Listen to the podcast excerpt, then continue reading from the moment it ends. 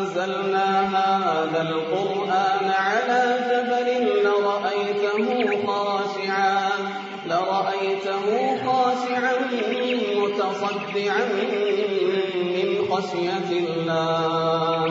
وتلك الأمثال نضربها للناس لعلهم يتفكرون. الحمد لله حمدا كثيرا طيبا مباركا فيه كما يحب ربنا ويرضى. وأشهد أن لا إله إلا الله وحده لا شريك له شعار ودثار ولواء أهل التقوى. وأشهد أن سيدنا ونبينا محمدا عبده ورسوله صلى الله عليه وعلى آله وأصحابه وعلى سائر من اقتفى أثره واتبع هديه بإحسان إلى يوم الدين أما بعد. أيها المباركون في هذا اللقاء المبارك من تفسيرنا للقرآن العظيم.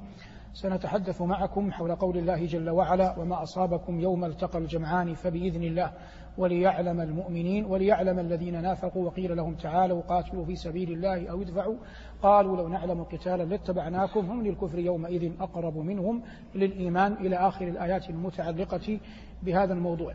ومعلوم أن هذه الآيات من سورة آل عمران وأنها تتحدث عن غزوة أحد لكننا لا نتحدث عنها ككونها مقطوعة من السيرة إنما نتحدث عنها ككونها تتعلق بكلام الله جل وعلا أي وفق منهج المفسرين. قال أصدق القائلين جل ذكره وتبارك اسمه وما أصابكم يوم التقى الجمعان.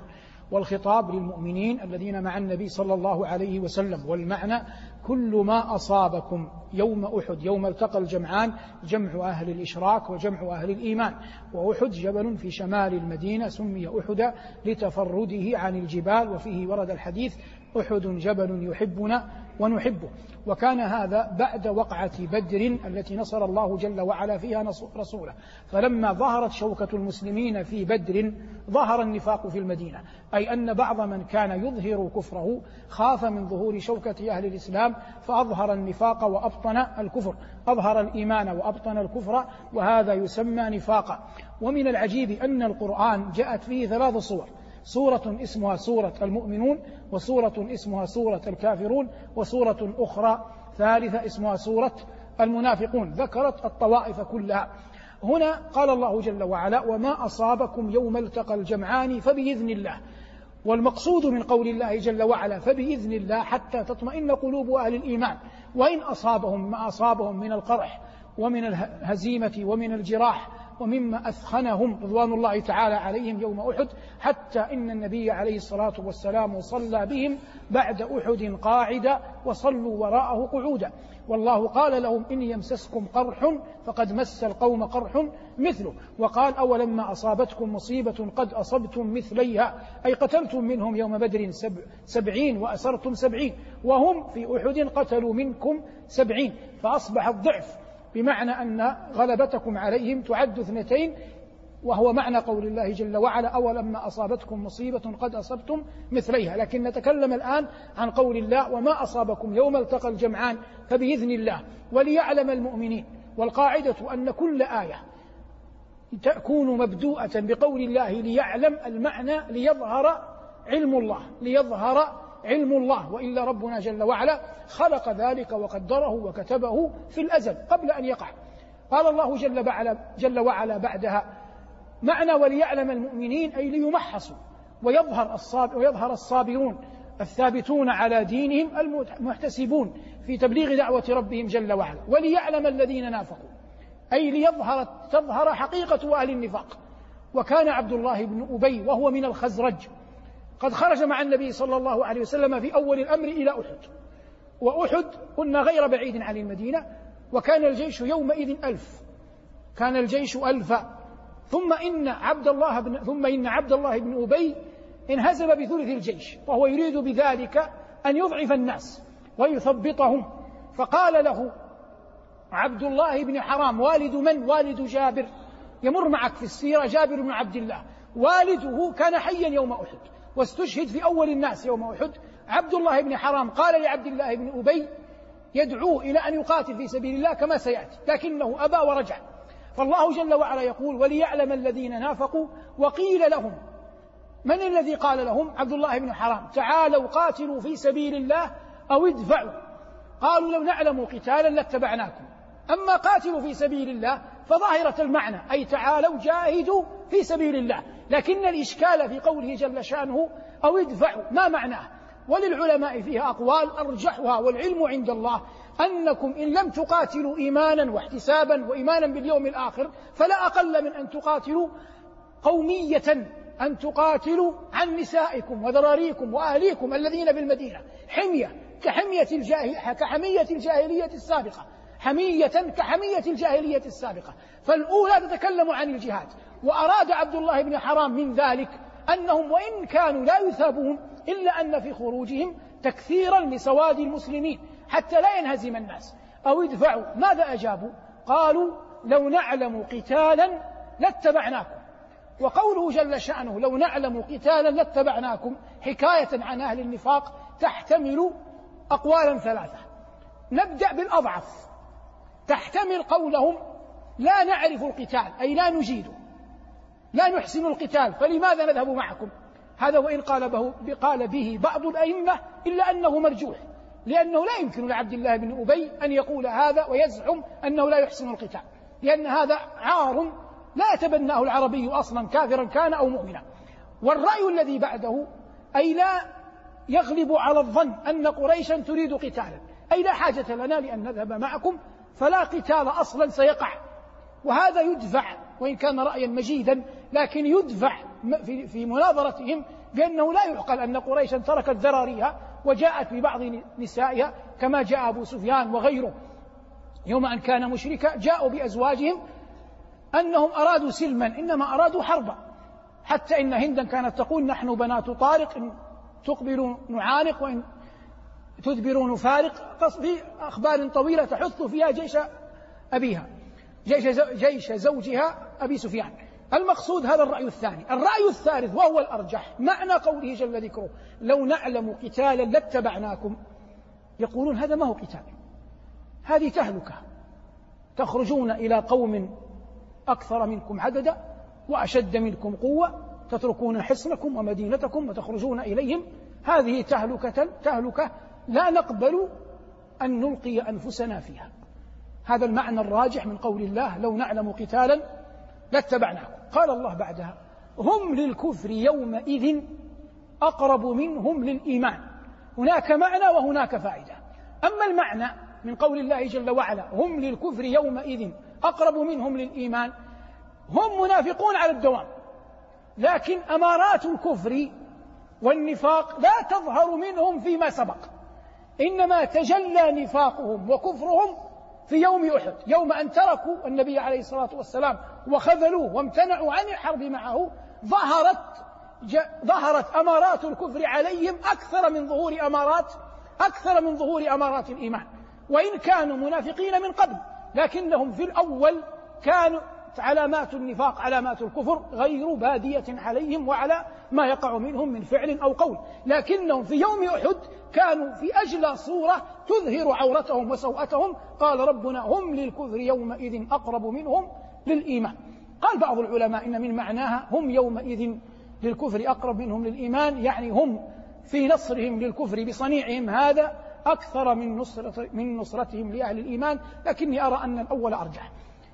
أما الفائدة فهذا يدل وهذا قال به بعض الأئمة على أن القلوب لها أحوال وعلى أن الإنسان أحيانا عياذا بالله قد يكون قريبا من الكفر.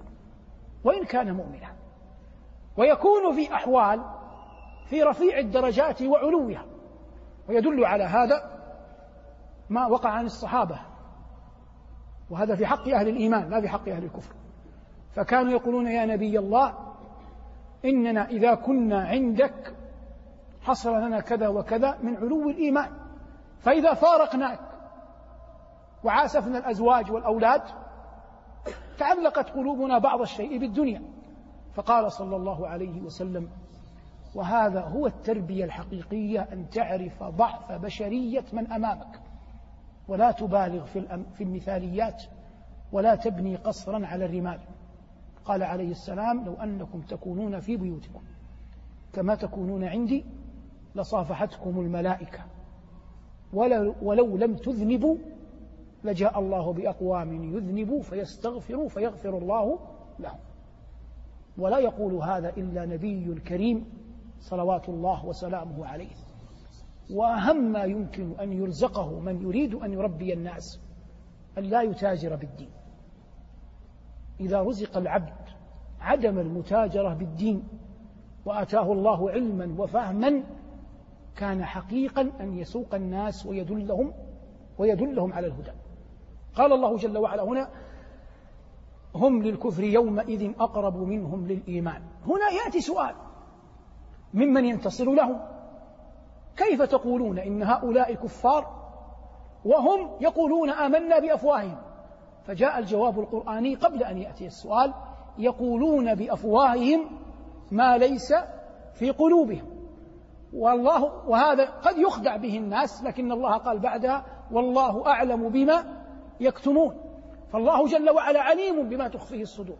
وإن استطاعوا أن يعيشوا في المدينة في أمن من غير أن تسلط على رقابهم السيوف لكفرهم ونفاقهم بما أظهروه من الإيمان إلا أن هذا لا يغني عنهم يوم القيامة شيئا. فالله جل وعلا يقول والله أعلم بما كانوا يكتمون. والله أعلم بما يكتمون. ثم قال ربنا جل وعلا الذين قالوا لإخوانهم وقعدوا لو أطاعونا ما قتلوا. من الذين قالوا؟ المنافقون. لإخوانهم. هنا يعني تتصور الآية جيدا. لا يوجد مقابل شخص يتكلم وأحد مقابله. فاللام في قوله جل وعلا الذين قالوا لإخوانهم ليست لام التعدية. ليست لام ماذا؟ ليست لام التعدية. يعني لا يوجد إخوان لهم من عشيرتهم هم يخاطبونهم. إنما يتحدثون عن موتى. حتى تفهم الأمر بجلاء عبد الله بن أبي من الخزرج. وأكثر من استشهد في أحد من أين؟ من الخزرج. وعبد الله بن الزبير رضي الله عنه قبل أن يسلم لما قال قصيدته التي يتهكم بها في أهل الإيمان ذكر مقتل الخزرج دون غيرهم في أحد لأن أكثر من قتل في أحد كان من الخزرج. وسل المهراس ساكنه بين أقحاف وحام كالحجل ليت أشياخي ببدر علموا جزح الخزرج من وقع أسد. فحدد الخزرج وعينهم دون غيرهم لأن أكثر من قتل يوم أحد كانوا من الخزرج. يصبح معنى الآية أن هؤلاء المنافقين أن هؤلاء المنافقين يقولون من أجل إخوانهم الذين ماتوا. يقولون لإخوانهم أي من أجل إخوانهم الذين ماتوا واستشهدوا يقولون لإخوانهم وقعدوا. الواو هنا واو حال. وقعدوا فعل وفاعل جملة حالية. حالية ممن من؟ المنافقين من أصحاب القول أي أنهم قالوا هذا وهم قاعدون عن الجهاد لأنهم انهزموا بالناس. وقعدوا لو كانوا عندنا ما قتلوا. أي لو أطاع لو أطاعونا ما قتلوا. والمعنى لو أطاعونا في عدم الخروج. لو أضحوا مثلنا باقين في المدينة لم يخرجوا ما أصابهم قتل ولا غيره. فجاء الجواب القرآني يكبتهم. قل فادرأوا عن أنفسكم الموت إن كنتم صادقين. إن كنتم تزعمون تزعمون أنكم تعلمون أين موارد الموت وما هي الطرائق الموصلة إليه. فها أنتم إن كنتم صادقين في دعواكم ادفعوا عن أنفسكم الموت. لكن الموت يقع على من غزا ومن لم ومن لم يغزو. ونجا ممن غزا مع النبي صلى الله عليه وسلم ومات ممن ومات ممن قعد. وثمة بيت شهير يقول من لم يمت بالسيف مات بغيره تعددت الأسباب والموت والموت واحد. تأتي آيات بعدها سنأخذها إن شاء الله في اللقاء الذي بعده ولا تحسبن الذين قتلوا في سبيل الله أمواتا. لكن هذه الآيات التي بعد قبل أن نصل إليها نبين أن الله جل وعلا لما قال وليعلم المؤمنين إنما محص سلف هذه الأمة بالجهاد في سبيل الله. وقد استقر في الأذهان وهذا يحتاجه طالب العلم في المعتقد ويحتاجه في الفقه. من أعظم الأدلة ما يستقر ما يستقر في الأذهان. محال أن يستقر في أذهان البشرية شيء غير صحيح يتوارثونه. والدليل على هذا من القرآن سنذكر أدلة ثم نذكر دليلا من السنة ثم نطبقها على مسألة فقهية. الله جل وعلا قال فلما رأينه أي يوسف أكبرنا وقطعن أيديهن وقلنا حاشا لله ما هذا بشرا؟ إن هذا إلا ملك كريم. ونحن نعلم أن هؤلاء النسوة ما رأوا ملكا قط لكن استقر في أذهان الخلق أن الملائكة رمز لماذا؟ رمز للجمال. قال الله في الصفات طلعها تكلم عن شجرة الزقوم يتكلم عن شجرة الزقوم. طلعها كأنه رؤوس الشياطين. ومعلوم أن المخاطبين بالآية وهم كفار قريش وكل من يقرأ القرآن لم يرى الشياطين قط لكن استقر في أذهان الخلق وعقولهم وقلوبهم في كل ملة ونحلة أن الشياطين رمز في القبح. ظاهر؟ النبي صلى الله عليه وسلم قال في الحديث الصحيح حديث أبي قتادة عند مسلم قال ما من أيام العمل الصالح فيهن أحب إلى الله من هذه العشر يقصد عشر ذي الحجة. قالها لمن؟ قالها للصحابة. الصحابة من أين أخذوا علمهم؟ من رسول الله صلى الله عليه وسلم. قالوا له ولا الجهاد في سبيل الله. هذا لا يحتمل إلا شيئا واحدا. أنه استقر عند الصحابة أن الجهاد في سبيل الله أعظم أعظم الأعمال. هذا واضح؟ إذا هذا دليل اسمه ماذا؟ المستقر في الأذهان. أبو بكر رضي الله تعالى عنه هذه المسألة الفقهية دخل على النبي عليه الصلاة والسلام وهو في خيمته في منى وعنده جاريتان تغنيان. فقال عليه أبو بكر رضي الله عنه قال أمزمور الشيطان في بيت رسول الله صلى الله عليه وسلم؟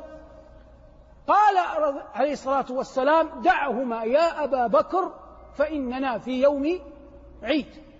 الآن ما الذي دفع أبو بكر أن ينكر؟ المستقر في الذهن المستقر في العقل في القلب في العلم أن الغناء محرم. وإلا لو كان أبو بكر لم يستقر في ذهنه هذا ما أنكره. والحديث ليس مما يقبل النسخ لأنه في حجة الوداع. فقال عليه الصلاة والسلام فقال أبو بكر رضي الله تعالى عنه ورسول الله يسمع متعجبا مستنكرا لأن هذا المستقر في ذهنه وهو أعلم الناس بالشرع بعد رسول الله لطول صحبته. فقال أمزمور الشيطان في بيت رسول الله مستنكرا عن شيء لا يحتاج إلى أن يقول دليله لأنه أمر موروث مستقر في الذهن. فقال له صلى الله عليه وسلم غير منكر له. إن القضية حالة حالة استثناء. قال دعهما يا أبا بكر. ثم بين أن الحالة استثنائية ليست على أصلها. قال إننا في يوم في يوم عيد. ومع ذلك لا يليق به عليه الصلاة والسلام ولو في يوم العيد أن يسمعه. فأعطى ظهره بعد أن أخرجت عائشة الجاريتين. بعد أن سكت أبو بكر ثم أخرجت عائشة الجاريتين. موضوع الشاهد منه ثمة شيء يفقه في الأدلة. وهو قضية شيء مستقر في الذهن. يعرفه الناس. هذا والجاريتان كانت تضرب تضربان بالدف. وأما الأوتار فلا أعلم أنها كانت معهودة في المدينة زمن النبي صلى الله عليه وسلم. إنما جلها أو كلها جاء بعد اختلاط العرب بالروم وفارس واليونان. ورثوا عنهم هذه الأوتار. أما لا نحفظ في شعر العرب حديثا أكثر من أحاديث في أخبارهم وأشعارهم أشياء أكثر من مسألة الدف. ولا أظن. قد يوجد شيء لا أعلمه عدم العلم ليس علما بالعدم لكن في الموروث الذي أحفظه لا أعلم أن العرب كانت تضرب تعزف على وتر زمن بعثته صلى الله عليه وسلم. فإذا قيل هذا في الدف فالوتر من باب أولى وأشد إنكارا. والمقصود أن من طرائق فهم القرآن أن يعلم مثل هذه المسائل لأن إدراك مثل هذا يعين طالب العلم في الحكم على الشيء الذي يريد أن أن يعني يحكم به. نعود لما نحن فيه. فالمقصود من هذا كله أن الجهاد في سبيل الله استقر في أذهان الصحابة أنه من أشرف الأعمال. لهذا قال الله بعد كما سيأتي في اللقاء القادم ولا تحسبن الذين قتلوا في سبيل الله أمواتا. لكن الشرع المطهر وهو الحاكم جعل مسألة الجهاد مما يعنى به ولي أمر المسلمين. مثله مثل الحدود. لا يقيمها الناس بعضهم على بعض ولا يقيمها الناس بينهم بين أنفسهم. حتى لو إنسان وجد رجلا يزني فلا يحق له أن يقيم عليه الحد إنما هذا يرفع لولي الأمر في أي زمن كان إن صلح صلح لنفسه وإن أخطأ فعليها. هذا ما تيسر والعلم عند الله. متعنا الله وإياكم متاع الصالحين والحمد لله رب العالمين. لو أنزلنا هذا القرآن على جبل لرأيته خاشعا لرأيته خاشعا متصدعا من خشية الله. وتلك الأمثال نضربها للناس